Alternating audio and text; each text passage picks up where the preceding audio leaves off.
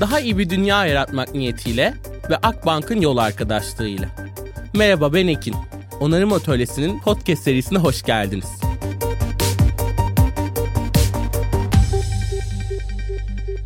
Kocaman bir merhabalar. Onarım Atölyesi'nin yeni bölümüne hoş geldiniz. Bugün konuğum Katalist kurucu ortağı Jülide Erdoğan.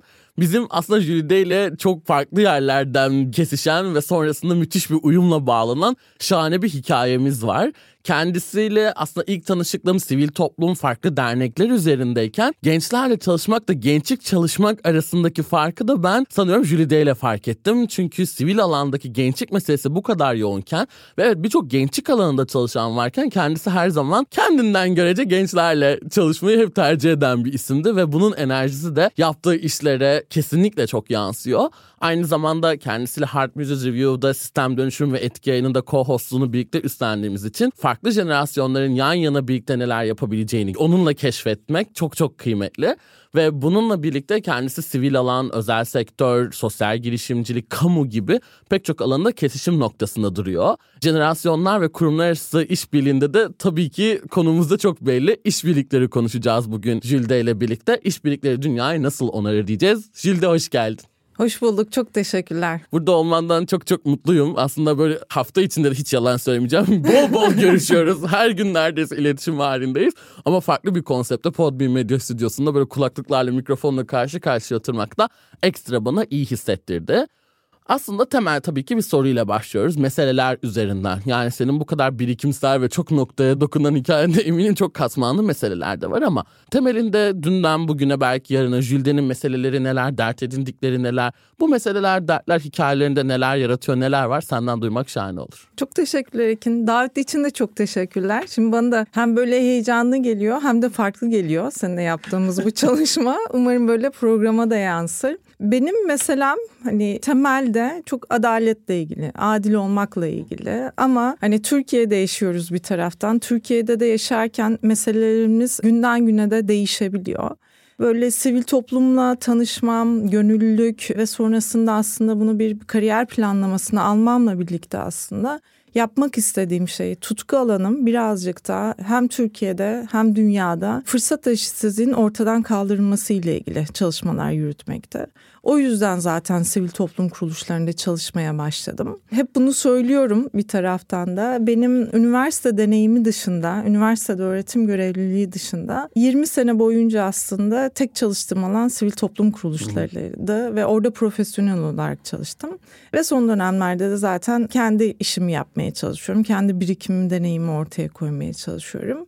O alanda çalışırken, sivil toplumda da çalışırken çalıştığın kurumların meselesi de senin meselen oluyor. Şimdi orada da kritik bir nokta var. Elbette yani kendi tutkumuz üzerinden onu bir tarafa koyabiliyoruz. Ama çalıştığımız kurumları da bu meseleler üzerinden seçmeye başlıyoruz en azından benim çalıştığım dönemde böyle çok fazla sivil toplum kuruluşu ya da işte sosyal girişim, yerel örgütlenmeler çok yoğun değildi. Belli başlı sivil toplum kuruluşları vardı. Ve dolayısıyla o kuruluşlar üzerinden hedef kitle, tırnak içinde hedef kitlem değişse bile temel mesele adil olmak, adaletli olmak, fırsat eşitsizliğinin ortadan kaldırılması, bununla ilgili çalışmalar yapabilmek ve bunun üzerine eğilebilmek. Çok çok önemli. Yani aslında zaten sivil toplumun varlığına da baktığımızda her şeyin temelindeki o adalet duygusuyla buna geliyor olması gerçekten çok çok önemli. Bu podcast serisinde de çok dile aldığımız ve hepimizin artık bildiği dünyanın sorunları, krizleri var Hı-hı. ve bunlar çoklu parametrelerle birlikte. Ve ama tüm bunları kenara bıraktığımızda belki en son soracağımı ilk başta sormak istiyorum ben. Yani bu kadar gündemde olan, bu kadar özel sektörden, sivil alandan aslında herkesin bu bir buzzword olarak dediğimiz şekilde dilinde olan işbirliği, paydaşlıklar kelimesi var. Herkes bunu konuşuyor, herkes bunu yapmak gerektiğini anlatıyor ama iş uygulamaya geldiğinde çok da bazen böyle olamayabiliyor. İşbirliği neden önemli? Bu ve bununla birlikte sadece işbirliğini yapmamızdaki amaç tek başına yetersiz kalmamızla ilgili bir durum mu? Niye işbirliği yapalım? Ben de sondan başlayayım. Yetersiz olduğumuz için olmamalı. Hani bir taraftan bunu hissedebiliriz. Kurumlar olarak da hissedebiliriz. Kişiler olarak da hissedebiliriz. Bence bunda hiçbir sıkıntı yok. Ama yetersizlik odağından ortaya çıkıp işbirliği yaparsak ben o işbirliklerin uzun sürmeyeceğini düşünüyorum. Ya da işte benim deneyimlerim onun üzerine kurulu. Dünyayı onarırken evet işbirliklerine ihtiyaçlarımız var ama işbirlikleri dediğimiz zaman işbirliğinden her birimizin ne anladığı önemli. Ya da daha böyle basitleştirelim. Aynı masaya oturan kurum ve kişilerin işbirliğinden anladığı ne? Ne bekliyor? Burada beklenti yönetimi ön plana çıkıyor bir taraftan da. Birbirimizden ne bekliyoruz ve birbirimize ne değerler sunacağız?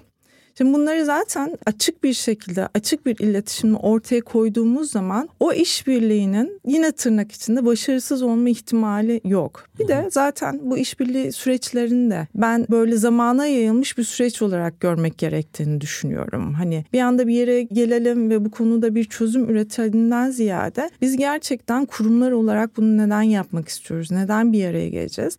Ve bir araya geldiğimiz kurumları, kişileri nasıl seçeceğimiz kısımlarında birazcık birazcık daha düşünmemiz ve orada daha nasıl diyeyim etki odaklı düşünmemiz gerektiğini düşünüyorum bir taraftan da. Oradaki konu aslında bir araya geldiğimizde ne yapabileceğimiz üzerine kurgulu. Şimdi Türkiye'de de baktığımızda şey çok zor. Bunu her gün deneyimliyoruz aslında. Aynı sektörde, aynı temalarda çalışan kurumların bir araya gelmesi kolay değil şey demeyeceğim hani burada bir hayal sunmayacağım bir taraftan da. Çünkü her kurumun özellikle özel sektörde her kurumun öncelikleri ve yapması gereken işler var. Hı hı. Şimdi özel sektörde bir araya getirirken aslında ortada ne var? Ne tutkumuz var? Bunu bir konuşmak lazım. Hani tırnak o tutkumuz ne? Bizi hayata bağlayan ya da şirketleri hayata bağlayan asıl meselemiz ne? Onu netleştirdikten sonra bence zaten orada iş bölümünde ortaya çıkıyor. iletişim konusunda çalışmalar da ortaya çıkıyor Hı-hı. bir tarafta. Aynı şey sivil toplum kuruluşları için de geçerli. Hani birazcık ayırarak gideceğim burada. Sivil toplum kuruluşları da daha etkili ve daha kolay işbirliği yapan kurumlar. Hı hı. Sektör diyeyim bir taraftan da. Çünkü orada her zaman şey var. Daha iyi olma, daha iyi götürme. Farklı hedef kitle ve temalarda da çalışsalar bir kriz anında bir araya gelen yapılanmalar mevcut. Hani orası daha esnek gidiyor. Kamu bambaşka bir tarafta zaten. Ama bu üç sektörün birbiriyle çalışması aslında bizim meselelerimiz sorun olarak gördüğümüz alanları çözüm odaklı ilerlerken her zaman destekleyici olacaktır. Çok kolay değil hani bunu da söyleyebilirim. Çünkü bir sürü o işbirlikleri arasını bir araya getirirken de iş yürütürken de dirençlerle karşılaşıyorsun. Orada birazcık daha kolaylaştırıcı olmakta yarar var ve her zaman biz niçin çalışıyorduk hı hı. deyip herkese orada hizalamak gerekiyor diye düşünüyorum. Bu çok çok kıymetli. Özellikle ben hepsini tekrar deşeceğim burada bırakmayacağım tabii ki. Korkuyum ha.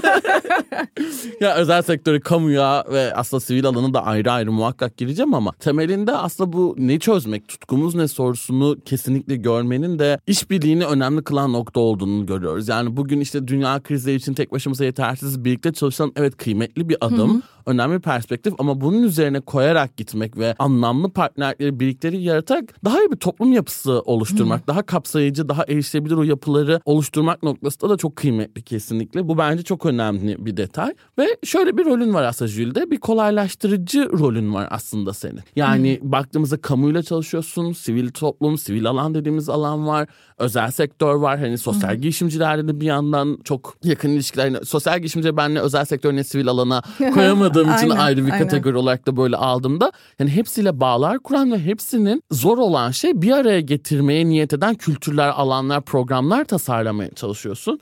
Burada biraz daha hem kişisel hem genel de bir soru sormak istiyorum. Yani bu alanları nasıl tasarlayacağız? Bu tercümanlar nasıl ortaya çıkacak? Bu kolaylaştırıcılara ne roller düşüyor? Nasıl bu alanları birlikte kurgulayabiliriz aslında?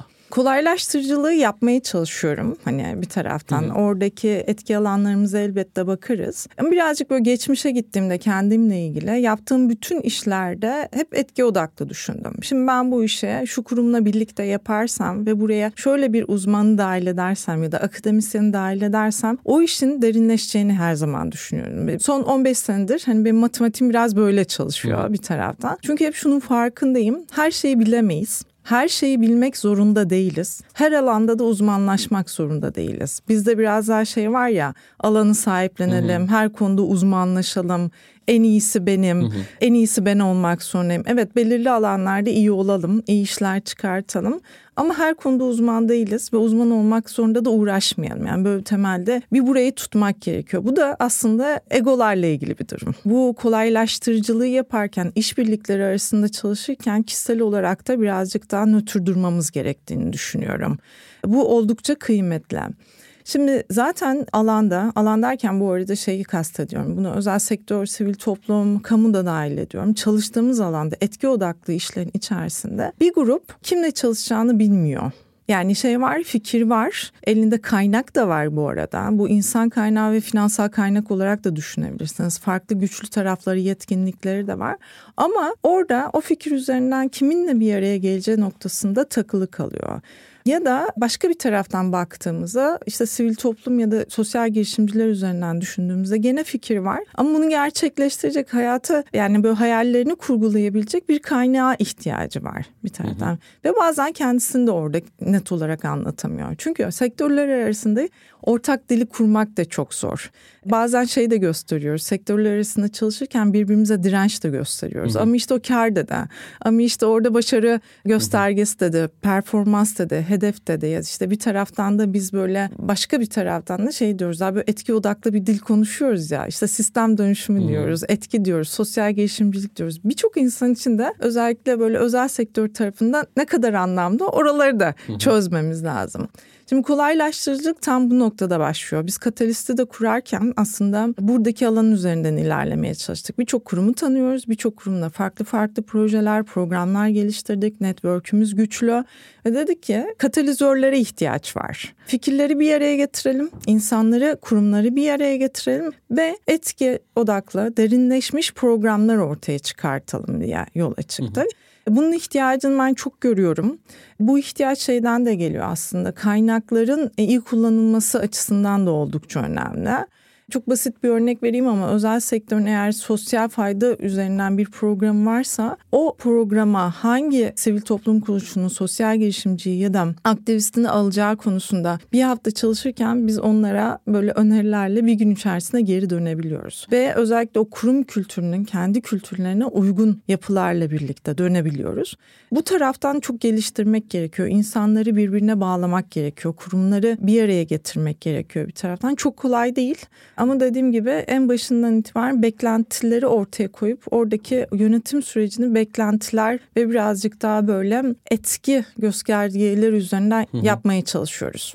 Evet yani ve bununla birlikte de aslında farklı alanları biliyor olmak da sanırım. Bilmekten ziyade aşinalık burada. Bilmek doğru aynen, bir kavram değil. Aynen, aynen. Aşinalığı da çok önemli. Çünkü o dile değmek, ona temas etmek ya da o farklı Hı-hı. jargonları, farklı beklentileri veya işte her alanın kendi o hiyerarşik yapılanmalarını tanıyabiliyor olmak bu alanlar arasında çarpışmayı da kesinlikle kolaylaştırıyor. O yüzden bence 21. yüzyılda bu işbirliğinin onarmasıyla birlikte hmm. bu onarıcı kim olacak sorularının en temel cevaplardan biri de bir araya getirebilenler olacağına kesinlikle inanıyorum. Çünkü ortak zeminlerde buluşmadığımız takdirde onarmanın da pek mümkün olmadığını zaten görüyoruz sanırım. Ya da oradaki işte yaptığımız hani onarma süreçleri de bir taraftan çok geçici olacaktır. Gene evet. olacaktır ama işte etkisine kadar ya da işte o alanı derinleştirebilecek miyiz? Yeniden yapılan sınırlandıracak mıyız kısımlarında büyük boşluklar ortaya çıkıyor. Evet yani bu boşluklar da sanırım zaten dünyanın yaşadığı krizlerin de Aynen. büyüklüğüyle eş büyüklükte ilerliyor. Burada şeyi anlayabiliyorum açıkçası yani evet tamam sosyal girişim, sivil alan, kamu, özel sektör hı hı. çok farklılar ve farklı diller konuşuyorlar. Kendi zorlukları var ve bunlar içinde belki de bizler buradayız zaten bunları soyunmaya hı da çalışıyoruz. Ama bununla birlikte tamamen aynı dili konuşan, aynı çıkarlar, aynı mentaliteden dünyaya bakan kurumların da bir yerde çalışamadığını görüyoruz. Bunlardan benim en çok üzerine düşündüğüm ve dönüşümü üzerine çalışmaya çalıştığım özel sektör. Yani bugün dönüştürmek istediğimiz noktada özel sektör evet belki sivil alanla daha kamuyla daha işbirliğine biraz daha yakın hale gelmişken aynı dili konuştuğu birbiriyle farklı özel sektör kurumlarıyla yan yana gelmekten çok çekiniyor. Yani özellikle belli başlı endüstrilerde ve sektörlerde logoların bile yan yana gelmesinin hmm. tahammül edilemediği bir dünyada hmm. yaşıyoruz.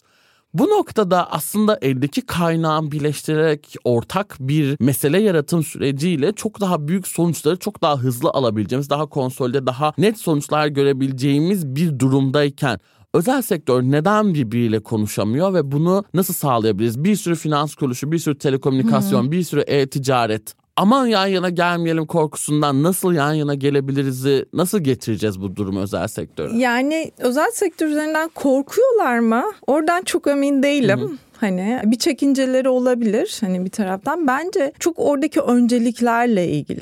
Yani işte önceliklerini zaten kurum kendi odanda oluşturduğu için ben gideyim kendi alanımdaki bir şirketle birlikte bir ortaklık yapayım düşüncesinde değil. Öyle bir yapıda da çok azdır hani hani bir taraftan. Ha, ama şöyle olursa bir kriz olduğu zaman hani bunu gördük zaten 6 Şubat'ta da bir kriz anında bir araya gelebiliyorlar. Yoksa öbür türlü zaten günlük hayatların akışında, iş akışlarının içerisinde kendi hedefleriyle, kendi başarılarıyla, için kendi stratejileriyle yola çıkmış durumdalar. Ben şöyle görüyorum içerideki insanların değişimi ve dönüşümüyle birlikte aslında özel sektör bu tarafa gelecek. Hani birazcık daha bu işbirliği alanları, ortak platformlarda buluşma, birlikte hareket edebilme konularına. En azından şunu diyebilirim ben çok uzun yıllardır özel sektörle çalışıyorum. Kıyaslayabileceğim sene 15 sene öncesidir. 15 sene öncesinde içeride bambaşka şeyler konuşuyorduk.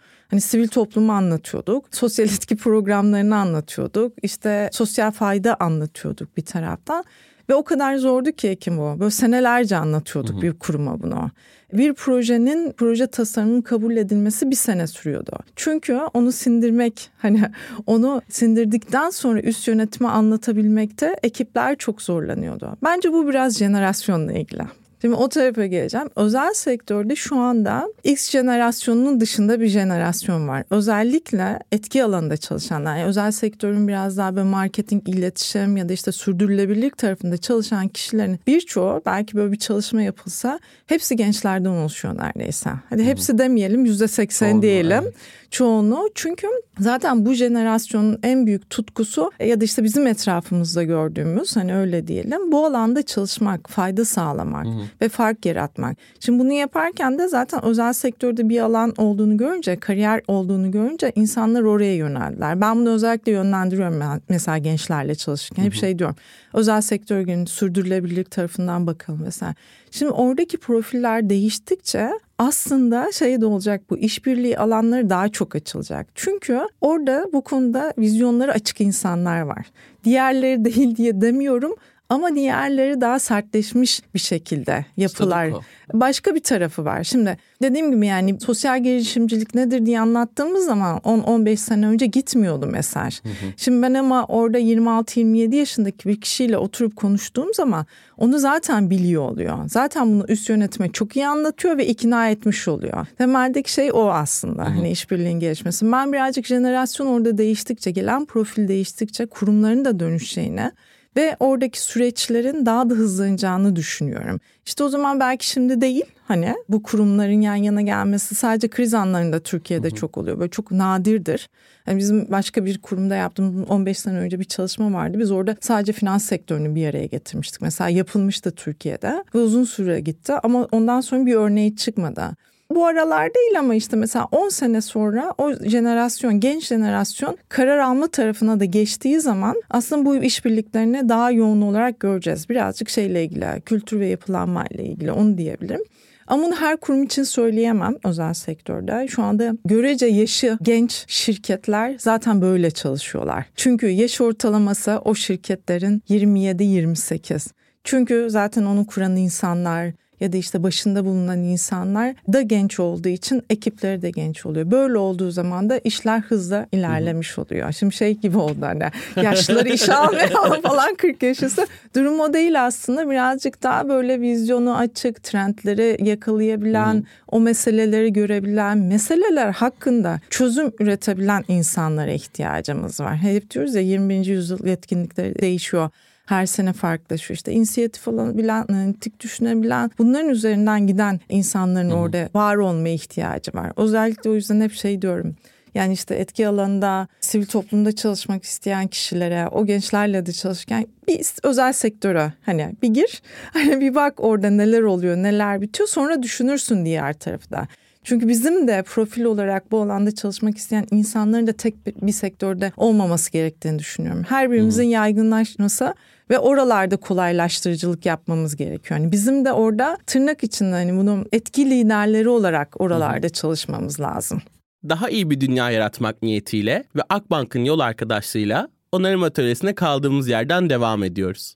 Kesinlikle yani bu benim de özellikle sondan böyle başlayarak çok konuştum da kendi yaşıtlarımla daha gençlerle benden daha genç çocuk oluyor galiba ama farklı kişilerle konuştuğumda aslında bir kariyer yolu olarak gitmemiz gereken noktanın ne olabileceğini çok konuşuyoruz. Ve bugün ben etki alanında yapmaya, anlatmaya çalıştığım noktalardan bir tanesi de evet artık etki üzerine çalışmak çok ciddi bir kariyer yolu ama bunun tek yolu aktivist olmak, tek yolu NGO'larda çalışmak, think tanklerde Aynen çalışmak demek değil. Aslında özel sektörde ya da hangi alanda ilgileniyorsanız bunun üzerine yoğunlaşmak. Yani bir sürü dışarıdan aktiviste ya da etki liderine değil işte bilgisayar mühendisliğinde işin bilişim tarafından, iletişim tarafına, PR tarafından, finansal tarafına bunun mesele edilmiş kişilerin de yer alması gerektiğine inanıyorum. O yüzden etki dediğimiz konuyu biraz temel baz olarak görmeye başladım artık. Yani zaten yanında bir şeyle eşleştirmek durumunda olduğumuz bir döngüye giriyoruz. Çünkü biraz böyle değildi. Etki çalışıyorum, etki hmm. üzerine çalışıyorum da ve bu buydu. Bu bir zaten bir kategoriydi, sürdürülebilirlik bir departmandı. Ama bence hmm. zaten şimdi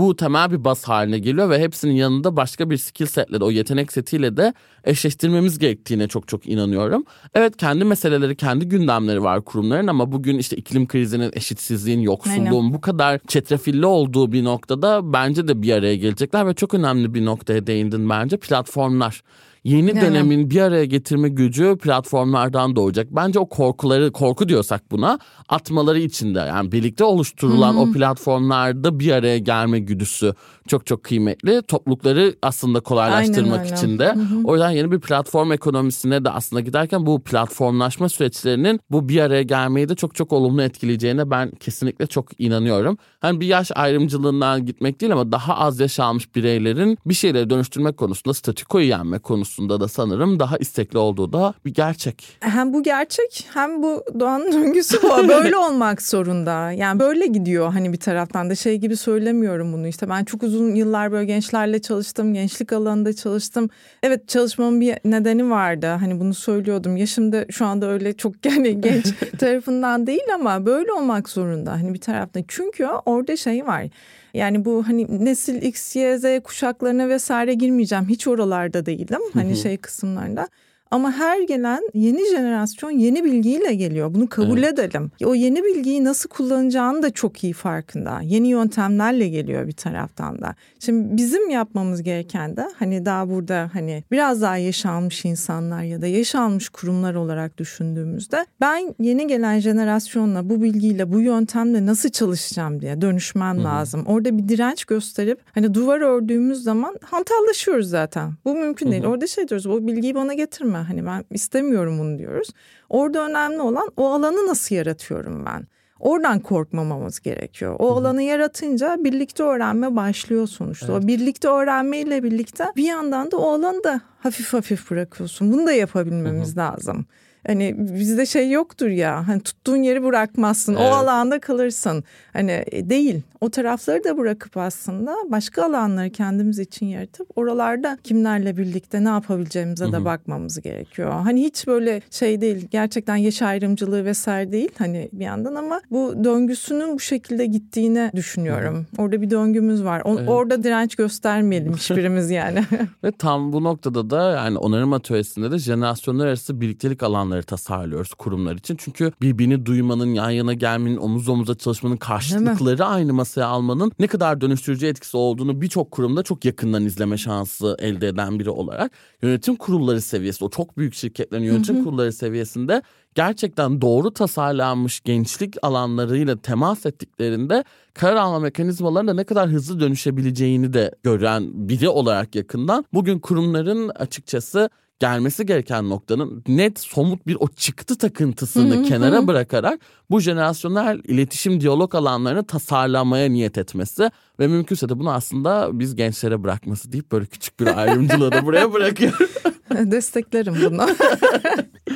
Peki Jülde senin bir de çok çalıştığını bildiğim hepimizin aslında hepimizin değil en azından kendi adıma konuşayım benim korktuğum dışarıda kalmayı tercih ettiğim bir kurum yapısı var ki kamu kurumları. Yani bugün birçok insan için çok dışarıda kalan yetenek hmm. dediğimiz kişinin kaçtığı ve aslında bir nevi hani çalışan için bile sanki özel sektörden geçildiğinde bile artık dinlenmeye ayrılmaya başladığı bir yer gibi alıyoruz kamuyu.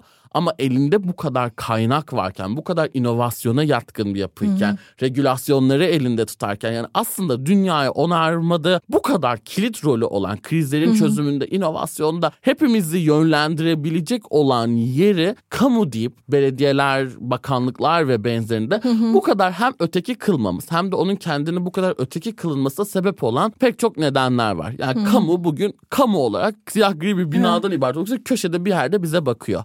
Ama sen kamuyla da çok yakın çalışıyorsun. Kamunun ortaklıkları üzerine işbirlikleri geliştirmeye çalışıyorsun ki hala nasıl olduğunu ben anlamıyorum. Oralar biraz karışık. Kamuyu nasıl çözeceğiz? Kamu nasıl işbirlikleri yapıyor? Nasıl işbirlikleri yapmalı? Ve biz nereden gireceğiz? Hangi yolları hmm. izlememiz gerekiyor? Nasıl changemaker'lığı bu kadar konuştuğumuz dönemde kamu üzerinde de yapacağız? Elbette böyle sektörlerle çalışırken kolay değil. Hani kamu da kolay değil. Hani onu da biliyoruz bir taraftan. Ama ben şöyle bir şeyden geliyorum. Geçmişten geliyorum. Hani biz ben sivil toplumda çalışırken benim her zaman çalıştığım kurumda, kurumlarda öyle söyleyeyim paydaşlarından birisi kamudan bir kurum oluyordu. Bu yerel yönetim olabiliyordu, bakanlık düzeyinde olabiliyordu, farklı alanlarda hani böyle metropollerde değişiyordu o konu. Bunun temel nedeni şu. Hangi programı yaparsanız yapın, etki odaklı bir program geliştirirseniz geliştirin. Bunun yansımasının politikada savunuculuk tarafında görülmesi gerekiyor. Şöyle söyleyeyim eğer bir okulda fırsat eşitsizliğinin ortadan kaldırılması ile ilgili çalışıyorsanız eğer Orada Milli Eğitim Bakanlığı'nı yanınıza almalısınız. O projeyi yaparken de sahadaki uygulamasını ortaya koyarken de ve iyi örneği çıkardıktan sonra bu modelin yaygınlaşması için MEB'in müfredatında nasıl yer alacağına dair o ekiplerle çalışmak zorundasınız. Bu bir zorunluluk. Yani etki odaklı dediğimiz çalışma aslında bu. Yoksa şey çok kolay bunu söyleyebiliriz bir taraftan. İşte bir ilkokulda ya da işte lisede bir program yapalım. Unik bir şey olsun ama sadece orayla çalışalım. Bunu yapabiliriz. Ama bu iyi modeli ben Türkiye'nin farklı illerinde, farklı okullarında, farklı gençleri ya da çocukları nasıl ulaştıracağım kısmını düşünmeye başladığımız zaman dediğim gibi Orada MEP'le birlikte zaten ilerlemek zorundasınız. O sizin bir paydaşınız oradaki şeyde. Şimdi oradaki dönüşüm süreci de şu şekilde ilerliyor. Orada ilgili kurum şey bölüm ilgili kişilerle konuşmaya başladığınızda aslında artık ortak amacınızın aynı olduğunu Hı-hı. görüyorsunuz. İşte ön yargı var ya onu ortadan kaldırarak ilerlemek Hı-hı. gerekiyor orada. Yapma şekilleriniz farklıdır, yöntemleriniz farklıdır ama bunu konuşarak, protokolleri oturtarak devam etmek lazım. Çok kolay işler değil dediğim gibi. Hani kamu tarafından sivil toplum kuruluşuyla çalışmak, özel sektörle çalışmak onlar tarafından da birçok zorluğu vardı. Ama o alanı bırakmamak lazım. Ben hep orada savunuculuk ve yaygınlaştırma kısmına bakıyorum bir taraftan.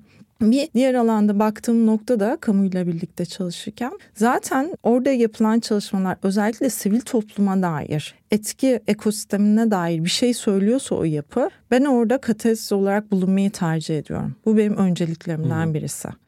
Dediğim gibi orada zorlu bir alan var onun çok farkındayım. Ama orada bir strateji tasarımı süreci varsa bizim orada söz söyleyebilmemiz gerekiyor. Hani o alan varsa bizim o alana girmemiz gerekiyor. Bu hepimiz için söylüyorum. Şey çok kolaydır. O alana girmezsin, eleştirirsin.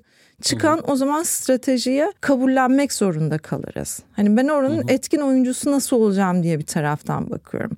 O yüzden de yine kamuyla birlikte yaptığımız işler çerçevesinde özellikle bunu söylüyorum. Belirli bir çerçevede ilerliyoruz. Hani bir taraftan hı hı. ve sürekli insanları da o tarafa doğru teşvik etmeye çalışıyorum.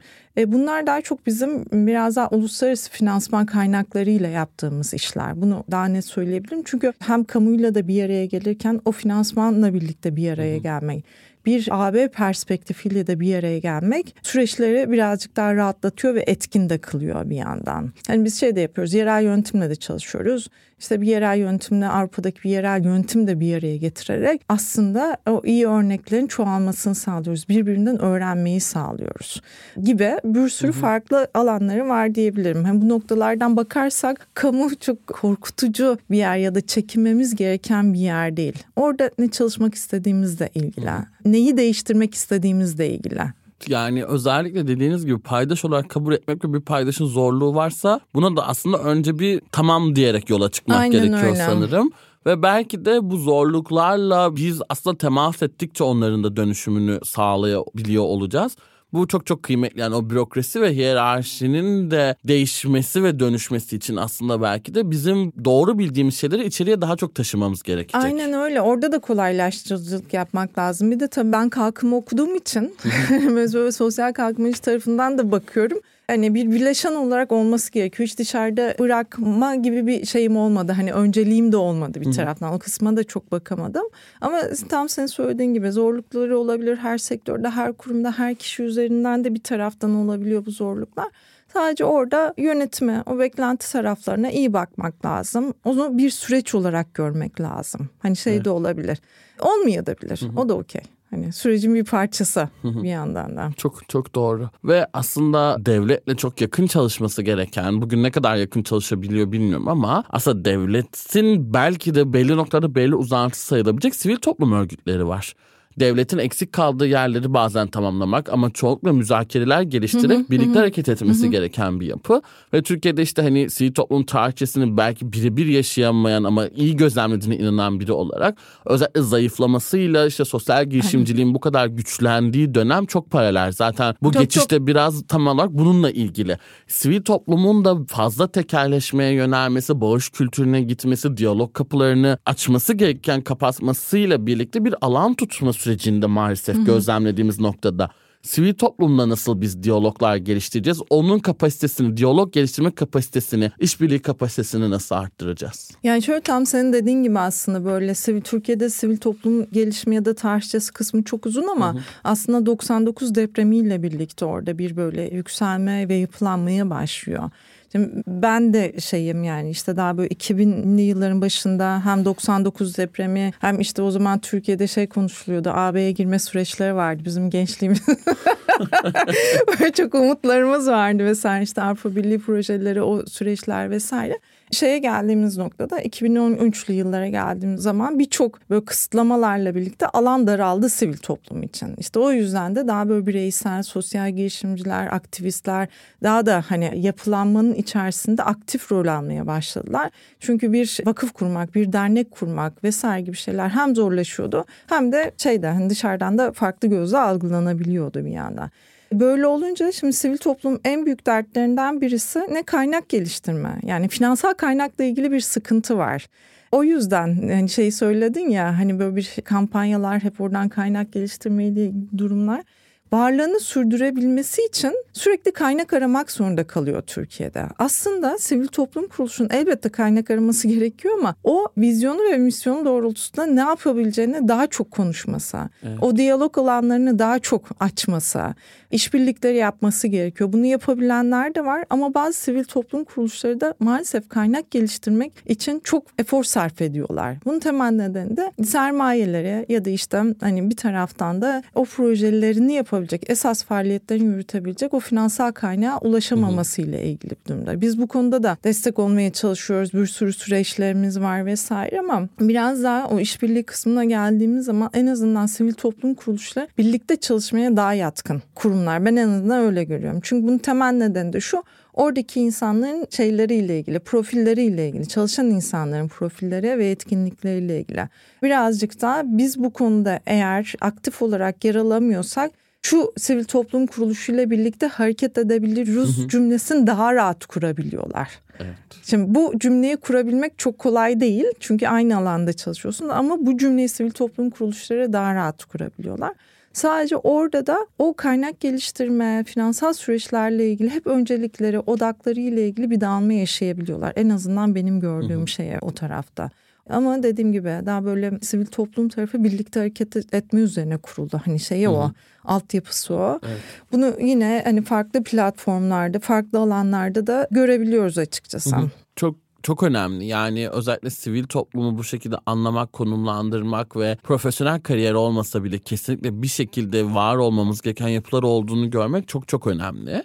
Ve biraz daha geniş perspektiften de baktığımızda bir şekilde dünya için iyi şeyler yaptığını çalışan ya da bu en azından bunun iddiasında olan kurumlara bir etki ekosistemi diyeceğimizi varsaydığımız bir noktada tamamen böyle o varsayımsal bir çizgiden gidiyoruz. Böyle bir ekosistem olduğunu düşündüğümüz noktada şey beklentisine giriyoruz. Yani ideal düzeni düşündüğümüzde en çok işbirliğine giden, herkese alan açan, daha küçük, daha büyük yapılanmalarla birlikte çalışmak isteyen ve özellikle özel sektörünle, kamuyla çalışan noktada kesinlikle dönüşüm için alan açması gereken bir yapı beklerken bugün özellikle Türkiye'de etki ekosisteminin daha kapı tutmak üzerine alan benimsemek, alan kapatmak ve bir nevi kendi menfaatleri üzerinden bir politika çizdiğini görüyoruz. Yani hı yanımdakini katarak değil ben giderek kendi ismimi öne çıkarak.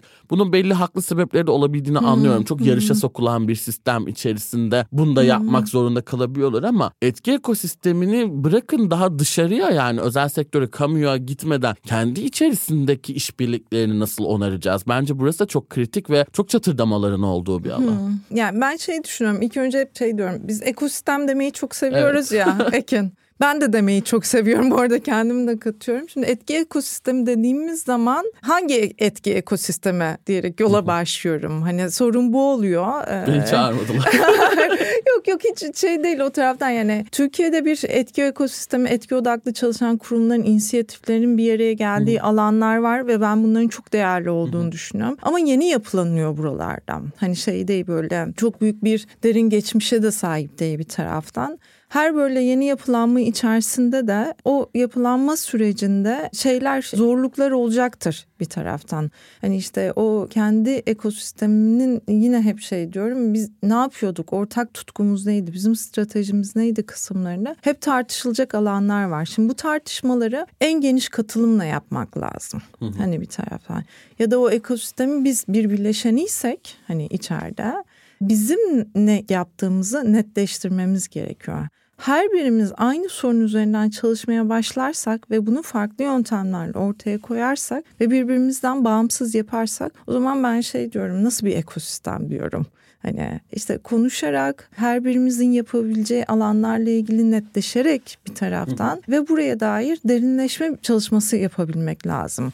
Türkiye'de var farklı ekosistemler var. Hani etki ekosisteminde var, X ekosisteminde var bir yandan ve bu ekosistemler birbirleriyle de konuşan yapılar aslında bir taraftan. Ama şey tabii hani bu işlerin hepsini yaparken önceliklendirme meselesi. Hani orada hı kendisi üzerinden de gidebilir. Hani bunu bireysel de yapabilir. Yanında bir kurumla da gidebilir vesaire. Oralara çok ben hani şey yapıyorum takılmadan ilerlemek Hı-hı. gerektiğini düşünüyorum. Çünkü ekosistemi zaten yapılandıracak, oluşturacak kişiler de insanlar da biziz. Ve her an bu Türkiye'deki gündemlere bağlı olarak da değişecektir Hı-hı. bir taraftan da. Evet sanırım yani biraz daha çok sesli tartışmalara yönelmek gerekiyor kesinlikle. Aynen. Bunu Aynen. ben de çok çok kıymetli buluyorum ve çok eksik bulduğum nokta da belki de tam olarak bu. Yani kapı meselesinin de ötesinde yanımıza bir sandalye daha çekildiğinde o ek sesi duymak üzerine niyet etmemiz gerekiyor. Bu her zaman bizim için kolay olmayabilir ama ben en azından bugün var olmaya çalıştığım alanlarda ya buraya bir sandalye daha nasıl ekleyebiliriz sorusunu sürekli zihnimde Tabii. tutmaya çalışıyorum. Yani hem o sandalyeyi nasıl ekleriz hem farklı soruları nasıl duyarım Hı-hı. o gelen cevapları nasıl analiz ederim Hı-hı. kısmı da. Yani o şey de değil tam olarak sandalyeyi ekleyeyim mevzusu da değil. Hani kapsayıcı olmak istiyorsak biz hani o gelen kişinin sorularını, cevaplarını, yorumlarını, bakış açısını o platformda o sürecin içerisine dahil edilmesi hı hı. gerekiyor. İşte orada da böyle birazcık daha ince ince şey yapmak lazım. işlemek lazım. Hani bir taraftan yani bir, bir sürü toplantı görüyoruz ya. Paydaş toplantıları, e, X toplantıları vesaire. Bunların hepsi olsun ama neden konuşuyoruz? Hani buranın çıktısı ne? Ben, ben buraya verebileceğim katkı nedir? Ve neyi etkileyeceğim? Sonucunda ne olacak kısmını ben hep şeyim böyle oralarda tartışıp netleştirip devam etmek gerekiyor. Biraz bunu yapabilmemiz evet. lazım ekosistemde. Evet yani sorunları da konuşmak ve belki de buna göre çözümlerle aynen, devam aynen, etmek tabii, çok çok kıymetli ve çok büyük bir eksiklik bence zaten beraberinde. Ve aslında biraz da sona doğru giderken yani bu işbirliği meselesi çok büyük de bir kültür meselesi aslında. Hı. Yani toplumsal olarak da zaten siz birlikte yaşamanın dinamiklerine ne kadar hakimsiniz. Yani toplu taşımaya binme biçimimizin bile o bir şirketin aslında işbirliğini nasıl yaptığı konusundan bağımsız olmadığını gören, inanan biri olarak kültürel olarak da dönüşmemiz gereken çok nokta var. Yani demokrasi ve liderliği işbirliğinden ayıramadığım bir noktada bakıyorum ben Hı-hı. örneğin. Yani doğru işleyen bir demokrasi, iyi onarıcı liderliği görmemiz gerekiyor ki işbirlikleri olsun. Ve bunların hepsini de böyle bir kenara da bırakarak çok aslında üzerine belki saatlerce tartışılacak hı hı. ve bir akademik bir soru bırakacağım ortaya ama işbirlikleri için doğru bir toplum kültürü nasıl olmalı, nasıl gelişebilir, nasıl bir sosyal iklime aslında ihtiyacımız var işbirliği için? Yardım istemeyi bilmemiz gerekiyor. Yani bu çok kritik. Başımız sıkıştığı için, yapamadığımız için ilk sorun var diye yetersiz olduğumuz Hı-hı. için mi işbirliği yapılıyor ya da işte bu süreçlere giriyoruz. Öyle bir şey değil. O işte kriz anı gelmeden önce aslında benim yetkinliklerim ne? Benim kurumum ne yapabilir? Benim kurumun kaynakları neler? Ve ben hangi sorunu çözmek için bu kaynakları kullanacağım diye o şirketin, o sivil toplum kuruluşunun, o kamu kuruluşunun bünyesinde sorulması gereken ve cevaplarının aranması gereken sorular bunlar. Yani şunu demek istiyorum. İşbirliği kavramının kültürünün şirket içerisinde ana akımlaştırılması gerekiyor. Bunun bir kurum kültürü olabilmesi gerekiyor. Yani departmanlar birbirleriyle çalışırken sadece kendi performans göstergelerinin dışında benim amacım neydi? Kurumun amacı neydi? O şey diyoruz ya anlamlı amaç tarafında. Biz ne yapıyorduk kısmını çok iyi sindirmeleri ve ona doğru Hı-hı. gitmeleri gerekiyor. Ben bunun çok kritik olduğunu düşünüyorum hani bir taraftan da. Dolayısıyla o zaman işbirliklerinin bir anlamı oluyor. Yardım istediğimiz zaman hangi alanlarda kiminle çalışacağımızı önceden stratejik olarak belirlediğimiz zaman zaten işbirliğinin bir anlamı oluyor. Öbür türlüsü ne oluyor biliyor musun? Zaten özellikle böyle kriz anlarında bunları yaşıyoruz. Şununla konuşayım, oradan destek alalım, bunu işbirliği yapın. Daha yere bandı yapıyoruz oraya. Sonra dönüp bakmıyoruz da orada yaptığımız işbirliğine. Derinleştirmiyoruz da. Hı hı. Ama bunu bir strateji çerçevesine oturttuğumuz zaman 5 yıllık bir stratejinin içerisinde öyle düşünelim. Farklı kurumlarla ve kişilerle çalışacağım ve amacım bu tarafa yönelik bu amaca doğru gidiyorum dediğim zaman orada işte işbirlikleri derinleşmiş oluyor. Hı hı. Ben birazcık daha böyle stratejik işbirlikleri taraftarıyım. Dolayısıyla o stratejik işbirlikleri de zaten etkisini gösteren ve derinleştiren bir alanda. Yani belki de aslında toplumsal olarak da döndüğümüzde bu işin daha geri boyutlarına da gitmek gerekiyor. Yani özellikle gençlerle bahsettiğimiz noktada ya da bugün hayatta daha şirketlere gitmeden birbirinden farklı görünenlerin de birbirinden ayrı olanların da nasıl yan yana gelebileceğini Aynen. önceden deneyimlemek gerekiyor belki de. Yani ben hep bana benzeyenlerle hani bu yankı odası da konuştuğumuz gibi o kadar fazla yan yana geliyorum ki bu iş hayatında ya da herhangi bir kurum kimliğini üstlendiğim anda da sanki sadece yine bana benzeyen benle aynı şeyi konuşanla çalışmam gerekiyormuş gibi. O yüzden sanırım denk gelmek, rastlaşmak, o birbirimize temas etmek hem genel olarak dünyamızı ve toplumsal ilişkiler açısından o toplumsal işbirliği hem de iş dünyasındaki bu işbirlikler için çok kıymetli. Evet hem rastlaşmak hem de işte o ilişkiyi derinleştirmek de gerekiyor. Hı-hı. Bir taraftan tam senin dediğin gibi hep zaten aynı bize benzer insanlarla bir araya geldiğimiz Hı-hı. noktada da bir gelişim sürecimiz de olmayacak. Yaptığımız işlerde de bir taraftan bir farklılık da olmayacak. Hı-hı aynı işler üzerinden gideceğiz ama birbirimizi duymamız lazım. Birbirimizi duymadığımız sürece zaten o iletişimi de sağlayamıyoruz, kuramıyoruz. Peki birbirimizi daha çok duymaya en azından niyet ettiğimiz gelecekte sence umut var mı Jülde? Zor soru. Bence umut var. Yani şöyle umut var. En azından ben kendi açımdan baktığımda umudum olmasa gelecekle ilgili bugüne dair çok böyle günlük akışımı düzenli bir şekilde sağlayamam, götüremem umudun olması zaten bizi şey yapıyor birazcık daha ayakta tutuyor öyle söyleyeyim. Umut var ama umudu genişletmek lazım. Benim umudumu, karşımdaki insanın umudunu, etrafımızdaki insanların umudunu dinlememiz gerekiyor. Orada da ortaklaşmamız gerekiyor. Yoksa o çok böyle kişisel bir hayalden öteye geçmiyor bir taraftan. O yüzden umut var. Benim açımdan var. Ben hep böyle diyorum. çok teşekkürler. İyi ki bugün buradaydın. Başkalarının umutlarını daha çok duyduğumuz günler olsun. Çok teşekkürler. Ben teşekkür ederim. Çok sağ ol. Daha iyi bir dünya yaratmak niyetiyle ve Akbank'ın yol arkadaşlığıyla iyilik ve dostlukla. Bir sonraki bölümde görüşmek üzere.